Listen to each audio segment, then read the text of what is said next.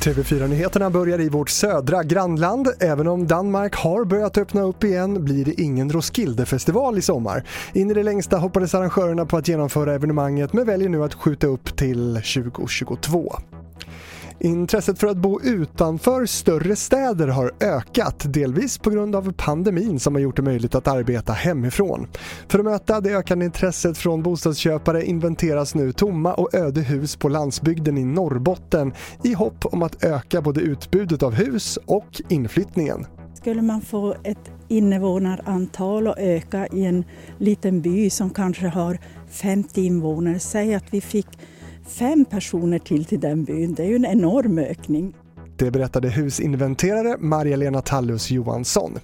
Och till sist, i Nyhetsmorgon nu i morse så kom beskedet från tv-bolaget Nents VD Anders Jensen om att hela vårens säsong av Paradise Hotel kastas i soptunnan. Avsnitten stoppades helt efter larmen om misstänkta övergrepp och om programmet återkommer i framtiden det kan tv-bolaget inte svara på i dagsläget. Det var det senaste från TV4 Nyheterna med Fredrik Rahlstrand.